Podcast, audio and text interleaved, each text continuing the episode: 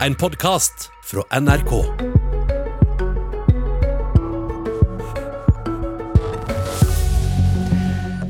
En tredel av oss synes Arbeiderpartiet har slått politisk mynt på terroren 22.07, viser helt ny forskning.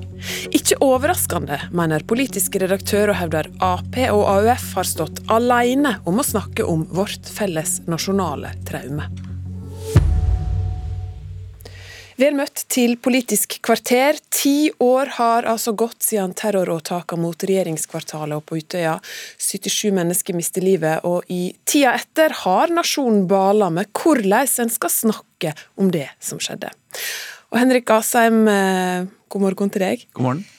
Er dette et Politisk kvarter du har grua deg litt til? Jeg gruer meg, gjør jeg sjelden til Politisk kvarter, men eh, jeg har forberedt meg på en litt annen måte. For jeg har måttet rett og slett tenke meg litt grundig om, og snakket også med en del av våre unge eh, i Høyre om hvordan de ser på dette nå. Det skal vi komme litt mer tilbake til. Anders Djupskås, du er nestleder for um, Senter for ekstremismeforskning, Cerex. Et senter som faktisk ble oppretta i kjølvannet av 22.07, og har sammen med kollegaer undersøkt eh, hva nordmenn mener om, og hvordan vi ser på 22. juli-terroren. La oss starte med det oppsiktsvekkende som vi hørte om i starten av sendinga. En tredel mener at Arbeiderpartiet har slått politisk mynt på terroråtaket. Og du er overraska over det funnet. Hvorfor det?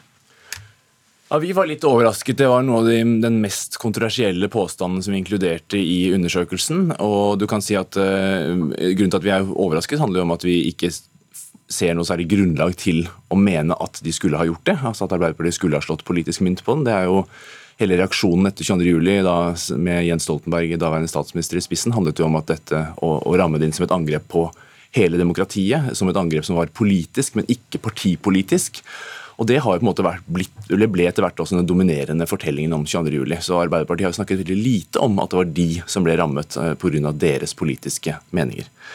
Så er det selvfølgelig sånn at Noen ville nok svart dette uansett, eh, fordi de misliker Arbeiderpartiet. Jeg tenker at Arbeiderpartiet forsøker å utnytte hva som helst, hva enn det måtte være.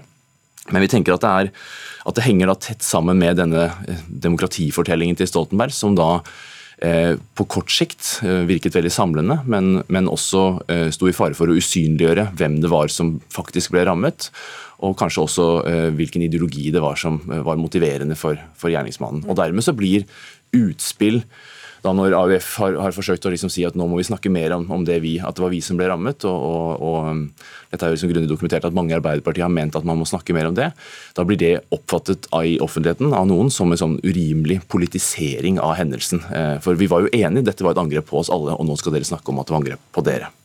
Og Hvis vi zoomer litt ut på det forskningsarbeidet, så har det spurt hvem nordmenn hvem ble angrepet, hvorfor skjedde det, hva har skjedd etterpå. Det er hovedspørsmålet. Hva er på en måte hovedsvaret? Altså, vi er jo, Nordmenn er jo enige om ganske mye. Vi er enige om at demokratiet ble angrepet. Man er også enig svarer at man syns at Arbeiderpartiet ble angrepet, men da ikke som en politisk størrelse men som en, og AF, men som en, som en, en, slags upolitisk eh, aktør.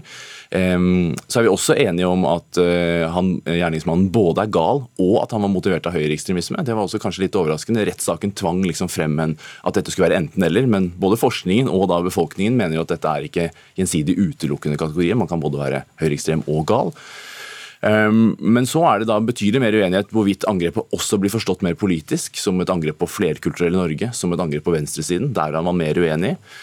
Og man er mer uenig da når det gjelder håndteringen av det, hvor en eh, god del mener at man må konfrontere høyreekstremismen hardere, mens en tredjedel, eh, eller en, en, en av fem, er veldig imot.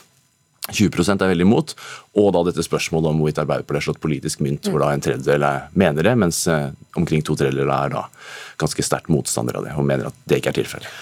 Og så er det 8% av de spurte, altså Dette er en representativ undersøkelse opp mot norske folk, som mener, som mener 8% av de spurte, eller dere plasserer dem i ei ytre høyre-gruppe, altså de som mener at innvandringspolitikken i Norge var årsaka til åtaket.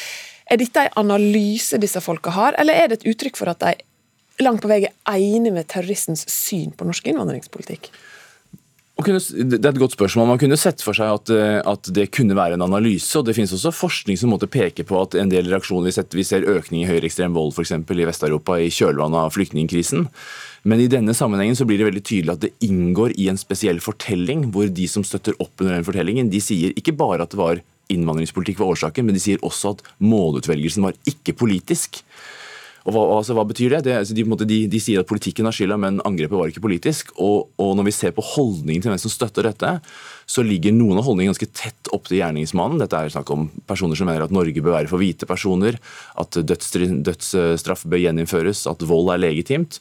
Og, er, og hvis de ikke mener det, så er de i hvert fall veldig veldig innvandringsfiendtlige. Så det blir en måte å si innvandringspolitikken av at det kan skape denne typen eh, eh, eh, frustrasjon hos folk. Men handlingene er på en måte ikke legitime. Vi støtter ikke den voldsbruken som gjerningsmannen gjorde. Henrik Asheim, jeg glemte i stad å si at du er jo forsknings- og høyere utdanningsminister fra eh, nevnte Høyre. En tredel av oss mener at Arbeiderpartiet har slått politisk mynt på terroren. Har de det? Nei, at de har gjort det, er, det har de absolutt ikke. Og jeg må jo si faktisk at jeg er veldig enig med Jupskog si at egentlig så har Arbeiderpartiet og AUF vært veldig lite uh, ute og på en måte tatt eierskap til dette. Uh, og jeg mener jo det er viktig å huske på det, at det var Arbeiderpartiet som definerte historien om 22.07 de første dagene etterpå. Og det var en veldig uh, raus tolkning av det, på en måte. Altså, fordi jeg tror veldig mange nordmenn som ikke hadde noe med Arbeiderpartiet å gjøre, likevel følte seg også angrepet selv. Dette var jo et angrep også på demokratiet. Det gikk av en bombe i regjeringskvartalet også. Men, men, det er klart at etter det så har vi jo diskutert veldig mye på en måte, hva skal vi gjøre med å bekjempe ekstremisme. Det er en grunn til at Djupskås uh, jobber med dette. Det er fordi vi har laget et senter som heter Serek, som nettopp forsker på radikalisering, høyreekstreme holdninger i samfunnet. Og Det er kjempespennende det de nå kommer med, for det betyr at vi kan åpne den debatten. Mm. Men um, du er overraska du også over dette høye tallet på 29% Ja, det er jeg absolutt. Men jeg syns også uh, teorien til Djupskås er ganske interessant. Kanskje det er nettopp det at når man da setter i gang en diskusjon fra nettopp de som ble angrepet selv, om hva var dette for noe, så kan det hende at noen da tolker det som at man forsøker å bruke det på en annen måte. Og dette stemmer veldig bra med hvordan du tenker, Snorre Valen, politisk redaktør i nettavisa Nidaros og forfatter av boka Utøyakortet, som kommer om noen uker. For du var ikke så veldig overraska over at 29 nå mener Arbeiderpartiet har slått politisk mynt på terroren? Uh, nei, jeg er egentlig ikke det. Og det skriver jeg jo ikke om i boka, for det her er jo nye, nye og veldig interessante tall. Uh, men jeg tror det er noe av en selvoppfyllende profeti i denne diskusjonen. Altså hvis, hvis norske befolkninger opplever at norske politikere fra de fleste partier sjelden tar opp 22.07 på eget initiativ, og med egne ord sier hva de mener skjedde og hva man bør gjøre med det, så, så, forsvinner du etter hvert fra den daglige politiske samtalen. Og Det har jo 22.07 gjort i mange år i Norge. Eh, og Hvis man da opplever at det først og fremst bare er AUF og Arbeiderpartiet sjøl som, som, snakker om 22.07, og da litt uavhengig av hva de sier også, så, så er det egentlig ikke så overraskende at en, en andel av befolkninga mener at det er å slå politisk mynt på terroren. Mm. Det kan like gjerne være fordi det er et fravær av noe annet i offentligheten. og, og Der finner vi også noe av problemstillinga, tror jeg. Ehm, jeg tror ikke det er hva som blir sagt om 22.07 som er den største utfordringa her, men fraværet av at det sies så mye. Mm. Eh, I Trondheim bystyre ble det fremma en interpellasjon tidligere i vår av en Utøya-overlevende som heter Sofie Rosten Løvdahl. Eh, og Alle i bystyret sluttet seg til forslagene hennes, alle var skjønt enige, men ingen tok ordet i debatten. Og Det, det synes jeg har vært litt sånn illustrerende for hvordan det politiske Norge møter det her. Mm. Med respekt for Arbeiderpartiet og, og aktelse, men, men, litt sånn avstand. og man tar gjerne ikke initiativ til å diskutere de tingene her sjøl, verken fra eh, regjeringspartiene eller fra de øvrige partiene på venstresida.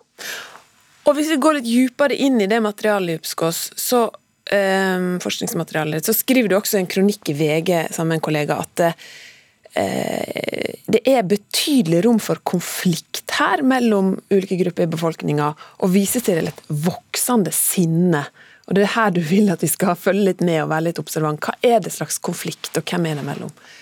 Altså det vi finner er jo at Denne uenigheten som jeg beskrev tidligere, eh, knyttet til eh, både årsaker og konsekvenser av terrorangrepet, det eh, kan summeres opp i tre liksom, dominerende fortellinger. Vi har nevnt denne demokratifortellingen allerede, som handler om at man følte at man håndterte angrepet godt, demokratiet ble angrepet, og våre verdier står sterkere i dag. Det er litt en sånn følelse av at det er et avsluttet kapittel, og som på en måte peker på noe av det Snorre Valen sier nå, at man ikke har snakket så mye om det etterpå.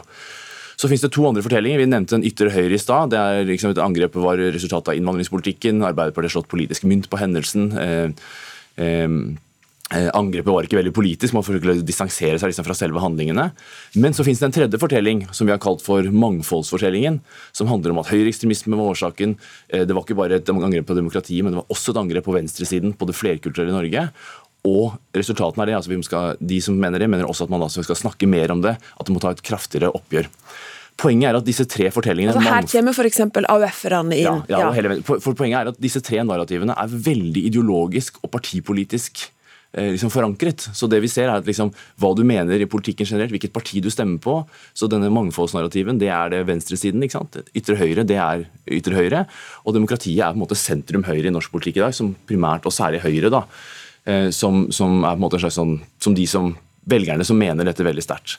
Og det vi ser er jo da at når disse mangfoldsnarrativet sier nå må vi bli hørt, nå vil, nå vi bli sett, og det er det liksom, AUF har løftet også i, i, år veldig, så kan man da få en motreaksjon fra eh, ytre høyre. Sånn vi så en kronikk av en Ole Hjem Sonstad i Stavanger Aftenblad som måtte sa noe om det at Arbeiderpartiet forsøker å bruke hendelsen politisk. Og Da mener jeg det er avgjørende. Hva gjør de som støtter dette demokratinarrativet? Åpner de opp for at AUF skal fortelle om at de ble rammet, eller måte holder de seg, forholder de seg litt passive, slik Snorre Valen sier, og dermed måte lar disse to frontene spille, liksom, krige seg imellom i offentligheten? Eller skal de løfte inn og si vet du hva, demokratinarrativet må kunne eksistere sammen, side om side med mangfold? Og det er her du peker litt på Høyre?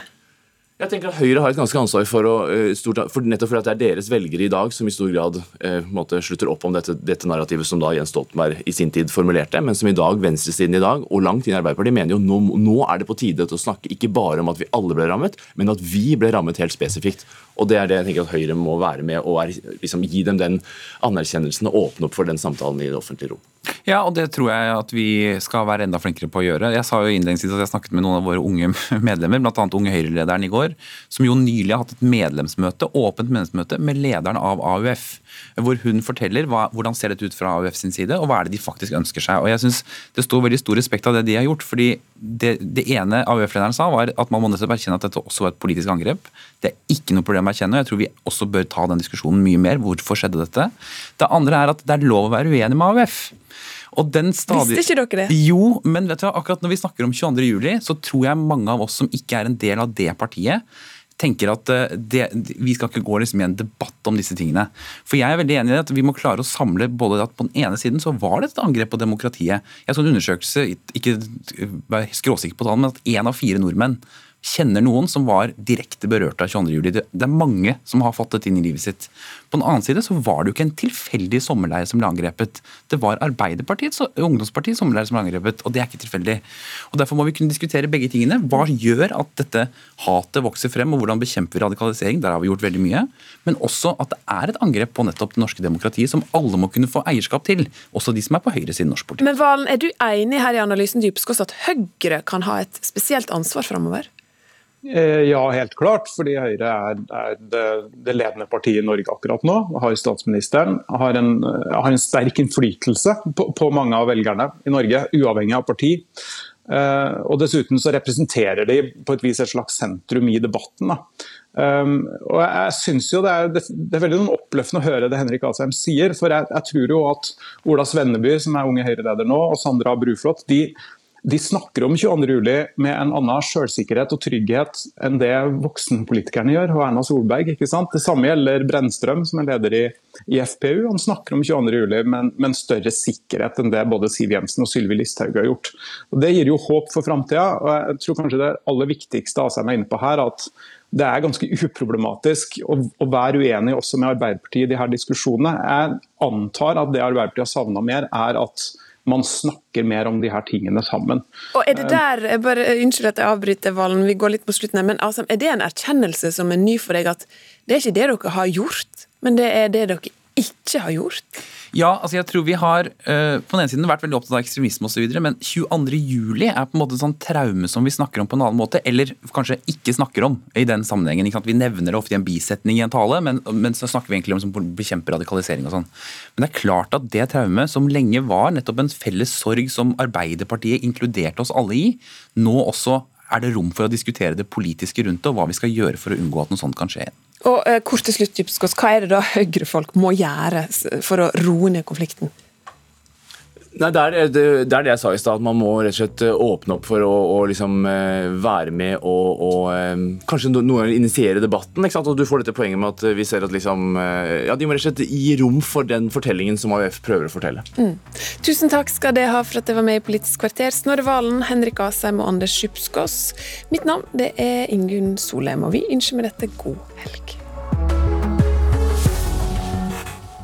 Du har hørt en podkast fra NRK. Hør flere podkaster og din favorittkanal i appen NRK Radio.